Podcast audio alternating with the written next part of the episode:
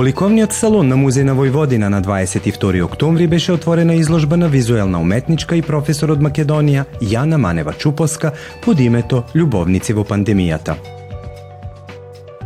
U okviru Ivano projekta se Jana javila prošle godine i pitala da li ona može da organizuje izložbu u Muzeju Vojvodine pod nazivom Ljubavnici u pandemiji. I onda sam ja mislila u tom momentu da to će biti jako dobro, za godinu dana ćemo mi biti daleko od te cele priče i moći ćemo stvarno da, ovaj, da prezentujemo te radove. Ona je poslala radove, nama su se dopali. Interesantna je u stvari njena vizija svega toga i bilo je vrlo aktuelno, tema je vrlo aktuelna. Mi sarađujemo u stvari sa mladim umetnicima e, i kompleksni smo muzej i imamo između ostalog pored te arheologije, etnologije, istorije, imamo jako razvijeno odeljenje, odnosno e, rad sa istoričarima umetnosti i uopšte sa umetnicima i savremenim e, zbog toga često izlažemo ovaj, njihove slike i negde ih potpomažemo, pokušavajući na taj način da povežemo ono što se zove savremena umetnost i kulturno nasleđe. Često insistirajući na tome kako u stvari muzej može da bude inspiracija za savremene umetnike. Stanje je zaista nenormalno i mislim da ćemo tek za koju godinu videti zaista posledice, psihološke posledice na sve nas koje je ovaj, ostavila korona. I zato mislim da je važno uopšte da kroz umetnost, kroz književnost, kroz kulturu, kroz sve to u stvari izrazimo sami sebe i pomognemo u stvari sami sebi. Umetnost uvek skreće pažnju na neke izuzetno važne teme i e, pokušava da osvesti ljude, a muzeji bi trebalo da su društveno odgovorne ustanove, pa u tom smislu e, zapravo izražavanje svih tih emocija negde svima nama pomaže da se izborimo sa trenutnom situacijom. Изложбата се состои од 40 дела, цртежи и колажи, изработени во комбинирана техника со молив, јаглен, акрил и темпера. Израсната сум со мирисот на маслената боја а, во едно сликарско убаво ателје каде што имам убави спомени и а, мојот татко Колеманев практично како велите ме задој со со со ликовната уметност. На вистина тоа е една магија која што а посебно како мало дете многу влие и во развојот и уметноста е дефинитивно форма во која што ја се пронаоѓам. И кога некој би ми прашал што нели она како викаат узречица, што би правеле во ако кога би имале шанси нешто да промените, дефинитивно не би променила ништо уметноста е мојот начин на живење. Мојата желба првично беше да бидам соло пејачка. А, и имав еден голем авторитет спрема познатата македонска оперска певица, господјата Милка Евтимова. А, меѓутоа, во таа фаза на мој развој, таа одлучи дека гласот ми мутира, вели, не сум сега јас во можност да ве земам во мојата класа. Ја тоа така го разбрав лично и помалку се разочарав, иако морам да признам дека секогаш бев во тој период на две столици. Што повеќе сакам, дали музиката или, или ликовната уметност, затоа што на вистина тоа го носе во мене од самото мое раѓање. А, и дури кога а, запишав средно музичко, јас паралелно учев и средно уметничко и тоа секако се види дека не може долго да трае затоа што беше физички невозможно да бедите на две столици. Така да се одлучив после ова мое мало разочарување или среќа можеби. А, ние во една прилика со господјата Милка се видовме на еден прием во една амбасада, не се ни сеќавам и она вели што ви направи, дете, дали е се во ред? Викам, не, ви благодарам, постапивте така како што сметате, така да ете некако спонтано тргна работите во правец така како што и лично јас ги посакував секако. Јас завршив прв циклус на студии на факултетот за ликовни уметности во Скопје во менторство класа на професор Симон Шемов. А, после тоа а, бев на запишана на Високата школа за дизајн и уметност во Прага, многу почитувана и таму бев една година на специализација на сакам да запишам нешто што е целосно контрастно од мене. Не сакам да одам на класично сликарство бидејќи тоа некако ми беше доволно во сите тие студии.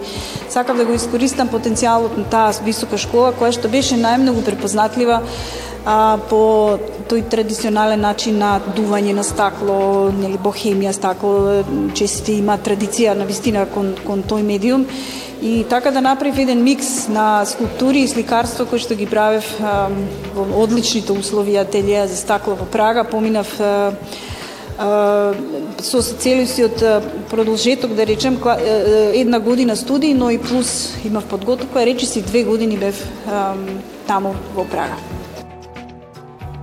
Изложбата е насловена „Любовници во пандемијата, а инспирацијата Манева Чупоска ја црпи од актуелната состојба со пандемијата на коронавирусот, што во негативна насока целосно го промени начинот на животот кај луѓето. Насловот има алегорична конотација и алудира на надежда и потреба за враќање на животот во нормална состојба. Јас сум инаку професор на факултет за уметност и дизајн. Прочем, таа енергија доби во Прага, на Високата школа за дизајн, бидејќи тие, сушност програмата ја правеа на ликовните техники, класично сликарство, но не завршуваше тука приказната и тоа беше тоа што мене многу ми се допадна. Значи како да се претвори, односно како да се искусат ликовните практики, практики во еден современ дизајн. А, така да некако секогаш го наоѓав тој ликовен компромис во тие мултимедијални практики кои што за мене се прво доста современи Јас како личност а, и, а, сум а, доста активна и во делот на видеоартот, а, секако зависи од условите, но ги а, предпочитам а, оние класични ликовни практики преточени во современ концепт кој што е еднакво на дизајн. Мислам дека е важно да се акцентира личното искуство како како човек во оваа ужасна пандемија. А, значи се наметна еден еден систем вештачки кој што на вистина кај мене лично пред се предизвика голем страф страф од екзистенција, начин промена на живот, наметната агресија која што произлегува на голема изолација, луѓето се во исчекување дали ќе преживеат, значи се напри целосна изолација и промена од оној живот кој што го имавме. Е сега јас би сакала како е, оптимист да гледам на работите дека се надевам дека ќе извлечеме поука од ова зло, од овај неквалитетен начин на живот, затоа што и предходно тој живот што го имавме нормален и тогаш генерално не бевме задоволни од ништо. Се нешто недостасуваше, се нешто требаше да се промени, еве се промени за жал на полошо. А, и а, тука не сметам дека дека доволно ќе извлечеме полука а, за тоа како не треба и од што треба да внимаваме во иднина. Едноставно светот застана. А, птиците престанаа да летат, фигуративно кажано, целосната таа изолација и желбата да се вратиме кон нормалното а, беше еден од главните пориви да се направи оваа изложба. За среќа ние а, уметниците го имаме овој канал на на изразување каде што на вистина имав потреба да да да едноставно се изразам а, онака како што го чувствувам длабоко во себе и целиот тој страф и таа надеж дека на вистина љубовта кон човекот, кон кон а, желбата да обстанеме како како човек на планетава а, е многу важно. И тоа што ми беше најважно е да се представи човекот а, како едно течение кое што ќе се прочисти сами од себе си со сите овие наметнати состојби, за жал повторно а, негативни, но јас во досега полошо искуство негативно не сум имала. И секако дека како нормален човек сум загрижена за себе си, за моето семејство, за мојата професија. А, и тоа што ми е највише драго е што уметноста сепак победува и во вакви состојби. Таа најде своји канали како да и од ова извлече некаква уметничка вредност. Уметниците одговорија и удрија шамар на короната дека дека мора да се продолжи да се живее и дека желбата за живот е поважна од стравот кој што не треба да да доминира и тој страв е едно големо уште поголемо зло од короната. Јас лично сметам дека тој страв, тој психолошки притисок е поголемо зло од самата корона. Кога сме ние во постојан страф и кога ние сме постојана параноја дека дали утре ќе преживееме, е на вистина е, не е добро. Така да ова е пораката на изложбата дека како велат секој зло за добро и човекот ќе се избори на крајот на денот, а уметноста секако. Преку фигуративните композицијски ликовни представи Јана Манева Чупоска ја пренесува неизината психолошка и емотивна состојба во време на корона кризата, нагласувајќи ја љубовта како ликовен символ, кој во овие дела дава надеж дека таа сепак ќе го спаси човештвото.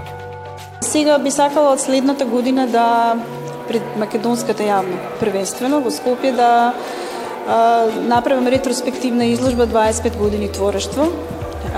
И тоа е еден многу сериозен проект за кој што се надевам дека ќе ќе го реализирам во, во Скопје во еден од музеите, каде што ќе го соберам целото моје творештво кое што сум го работела а, многу години и мислам дека тоа е нешто кое што ќе ми отвори една нова фаза да едноставно прво го представам сето тоа кое што досега сум го направила и здравје да шетам по светот. Тоа е тоа е мојата мисија. И јас кажав дека единствено нешто од што бев казнета од короната беше тоа што немав можност да патувам. Моето предходно искуство беше дека барем еднаш во годината јас патував. Бев, сум била секаде ни светот, во Нью Йорк сум имала изложба, во Токио, во сите поголеми европски градови и тоа е некоја храна за уметникот која што на вистина дава и мотив и елан, нови контакти со луѓе, така да на вистина ја се радувам што сум денес тука во Нови Сад што запознав многу драги луѓе, а, што еве музеј Војводина даде можност да го представам моето творештво. Луѓето се прекрасни, големи професионалци помогнаа да ова изгледа така како што треба да изгледа. Така да, како што кажав и на отворањето, искрено се надевам дека ќе имаме можности во други прилики да, да соработуваме. Изложбата минатата година беше поставена во Националниот музеј во Херсон, Украина. Gledate paletu. Izbor iz emisija na jezicima nacionalnih zajednica.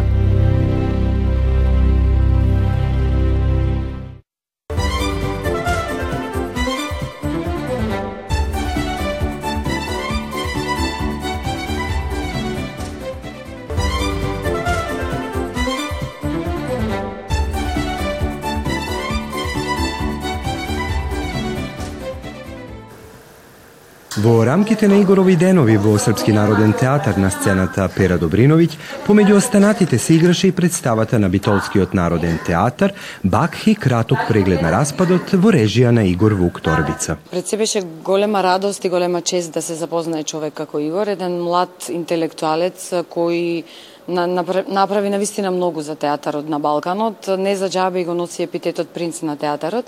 А, имавме исклучително интересен и многу продуктивен процес на работа, во кој што Многу одамна немав сретнато млад режисер кој што толку многу ќе се занимава со предсе со актерите, а дојде со еден многу сериозен концепт за представата и мислам дека она што заедно го направивме, публиката вечерва во Нови Сад ќе го види, само го дополнува, ја дополнува неговата големина како уметник кој што тој ја носеше. Морам да напоменам дека со оваа представа веќе скоро на сите театарски фестивали, не скоро, него на сите театарски фестивали во нашата земја, ги добивме највисоките награди за најдобра представа. Игор доби две награди за режија, така што тоа е само уште еден податок кој што говори дека од една денешна перспектива мене ми е многу жал што еве во животот ќе имам можност само еднаш да соработувам со режисер како Игор. Многу не секојдневно, а необично и возбудливо и мистериозно во исто време. А, имаше а, процесот тако беше како да кажам направи една деконструкција на самата на самиот текст на Бакхи, на на класичниот текст. И таква деконструкција го деконструира, го созда, го, го направи во ново време, почетокот е во ново време и текстовите ги пишуваше тогаш. Се разбира, разговаравме доста на на, на тема, на, на кои теми би се разговарало во првиот дел на представата, или современи теми, како што се политика или религија или било, било што. А, текстовите доаѓа, ги пишуваше секој ден, да добивавме по нов, па не знаевме што е следно и затоа беше мистериозно и убаво во исто време. А беше навистина големо задоволство да се, да се, да се работи со него. Се разбира, се случи тоа што се случи, но еве, а, ова представа навистина е, остави голема трага во нашите животи прво, и познавајќи го и него, кој го запознавме, но и самата представа остав, и се уште остава трага во, во, во, во македонскиот театар. Предпоставувам ќе остава ќе остави трага и овде денес кога ќе се гледа. Ано кај нас, на вистина, луѓето кои не го познаваа, некако го запознаваат со представата и викаат, леле, како, каква, каква, да цитирам една колешка режисерка од Скопје, а, каква божествена дарба. Денеска не Игор му е роден ден. А, и токму еве денеска сме тука. А, ние ќе го прославиме неговиот роден ден на еден од за мене најталентираните млади режисери во регионот. И сваќам дека кога играм представата, се по, с, е, имам чувство дека сум се поемотивна и поемотивна, бидејќи како да не, истовремено е, да не сакам да ја играм представата. А, заради тоа што Игор не е тука. Не дека Игор ги гледаше сите негови изведбите на секоја представа, но едноставно тоа што го нема а, ми предизвикува голема тага. А, искуството кое што го имавме да работиме со, со него е незаборавно. Мислам дека за секој глумец, за секој млад или средновечен сега веќе глумец е овај неповторливо искуство и дека ќе го чувам како еден од најдрагите спомени и најдрагите процеси, не само најдраг, не заради не од сентиментална вредност затоа што Игор Бечеро не е со нас тука, туку заради тоа што заради големината која што ова представа има и пораката која што представите на Игор сите кои што сум ги гледала ги носат, а специјално ова која што ја имаме. Мислам дека имаме светска представа. Секако и играњето на представите вон својата земја матица се многу значајни, бидејќи представувањето на културата на еден народ вон своето јазичко подречје представува ширење на мултикултурализмот. Тоа е навистина задоволство и е навистина среќа да се игра надвор. Замислете да играте само во едно место на цел живот и да не можете да мрднете нигде. Па тоа е тоа е навистина осуда. Тоа е а кога имате можност да играте надвор некаде, било каде, дали било и во друг град во, во државата во која живеете, ама да се игра па и во друга држава, па и во други градови, по вакви центри како што е Нови Сад. Па е на вистина е на вистина на вистина се чувствувам а, среќен дека сум дел од тоа. Значи не треба да сме благодарни на тоа и да го цениме тоа. Поготово ова година Нови Сад е Европска престолнина на култура. Плюс тоа, да, плюс тоа, да, плюс тоа, мислам, нема секој шанса да игра во Европската престолина на култура. Така да, навистина сме, сме почестени од, од ова. Секогаш ни е мило кога сме во Нови Сад, заради тоа што имаме веќе и пријатели кои што супер не пречекуваат. Поканата ја прифативме со големо со широко срце и отворени раце, заради тоа што а, представувањето надвор од својата земја сепак значи дека си дел од најдобрите. И дека и, токму со оваа представа мислам дека е многу значајно заради тоа што ги го спојува Игор Букторбица, чија што матична земја а, земјата во која што учел и земјата во која што живеел е, е Србија а, и не спојува нас. Значи на таков начин сме уште уште еднаш се потврдуваме како пријатели, така што а, драго ми е дека вечерва новосадската публика ќе има а, простор да, да ја види оваа представа која што говори и тоа како многу и за нашата земја и за вашата. Бакхи на Битолскиот народен театар е една од најнаградените представи. Што е најважно за да се создаде една квалитетна представа, нашите соговорници додаваат. Актерската дружина во Битолски народен театар никогаш не била во прашање, заради тоа што што се несува до нашите постари колеги, па ние како една средна генерација и младите луѓе кои што доаѓаат, мислам дека држиме еден, една добра, добра екипа и силен тим. А, да, во секој случај некаков микс на целото нешто и некаква мал, помалку луда среќа. Значи мора, како да кажам, во ова време во кое што живееме, едноставно мора да се биде помалку или повеќе луд за да се занимаваш со театар, заради тоа што а, многу од умет, уметничките вредности или воопшто уметноста е ставена во, праш, во прашање. Нели, ние се, мора да се трудиме секојдневно да ги потврдуваме, да ја, потвр, да ја потврдуваме уметноста и театарот како дел од таа уметност со и со големи театарски имиња и со текстови кои што се кои што нешто значат во времето во кое што се работат, бидејќи инаку нема потреба да се работи некој одреден текст според мене, а се разбира, уште еднаш да се вратиме и со тимот кој што победува. Едно без друго дефинитивно не може да се случи. Кога ќе се каже најдобра представа, тоа значи склоп на сите продукти што таа представа ја прават најдобра. Секако дека мислам режисерскиот концепт е основата на нештото, меѓутоа без добар кастинг и без една синергија на екипата која што во секоја представа без разлика стан, дали станува збор за ова или било која друга. Ако не се случи таа синергија, не може да се случи добра представа. Така што ние со гордост кажуваме најдобра представа заради тоа што навистина направивме еден театарски шок со оваа представа и со многу голема радост како екипа ја играме еве и после две години. Секако во време на пандемијата на коронавирусот, културата во која се подразбираат и театарските представи доживеа една пауза. Но како што реше нашата соговорничка, театарот постоеше, постои и ќе работи и после нас. Ние во Битолски театар можем да кажем дека направивме некој некоја пауза, но тоа не беше некоја голема пауза која што не измести. Работевме многу минатата година не се случија многу фестивали и во Македонија и во странство во, наш, во нашиот регион. и што особено сум горда еве како уметнички директор на тоа не само на наградите, туку и на сите убави зборови кои што можеме да ги слушнеме специјално од публиката која што ги гледа а, нашите представи и кај вас што има значи сме направиле представи кои што не се само за на, на локално а, на локално тло, туку се представи кои што а, говорат нешто и надвор од земјата во која што живе, живееме. Значи сме сме го погодиле моментот кога ги а, сме, сме ги направиле тие представи и а, театарот се бори и мислам дека негова цел е и тоа, всушност и во време во кое што или не време во кое што живееме, како што кажав, од секаков можен аспект нападнат, еве сега и со пандемијата, мора да го најде својот пат да, да обстане бидејќи театарот живеел и пред нас и мислам дека ќе успее да го направи тоа. Многу е силен и тој. Преживуваше театарот на некој начин од луѓето се обидуваа да прават секакви работи. Еве јас наречиме правев и самиот. А, правев надвор представа со едни пријатели, со работници од Америка и од други и од други земји. Па игравме надвор во едно, во едно село во Белче, нели пред, пред, пред текст на наш македонски писател Петре М. Андреевски. Потоа работевме и електронски на тие социјални мрежи, платформи, разни класики како Чехов или знам, се обидувавме и внатре во театар да правиме колку што можеме, ама секогаш излегуваше дека некој ќе се разболи и е ризикот голем.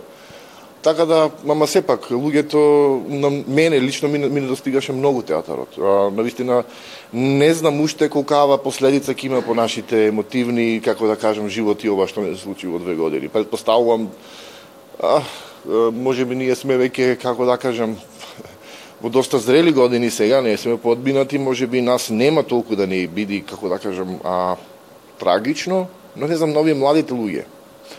Ке видиме допрва какви последици ќе има врзни. Се надевам дека ќе поминат лесно.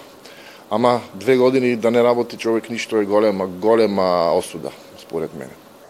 Меѓу преостанатите и сочувани грчки трагедии на Еврипид Бахки се издигнува заради неколку тематски и формални причини – Но може би најважната е таа што бакхите ја содржат алузијата на театарот сам по себе и фактот дека тие говорат за неговата скриена моќ и нашето цивилизацијско сознание, моќта на раскажување приказни.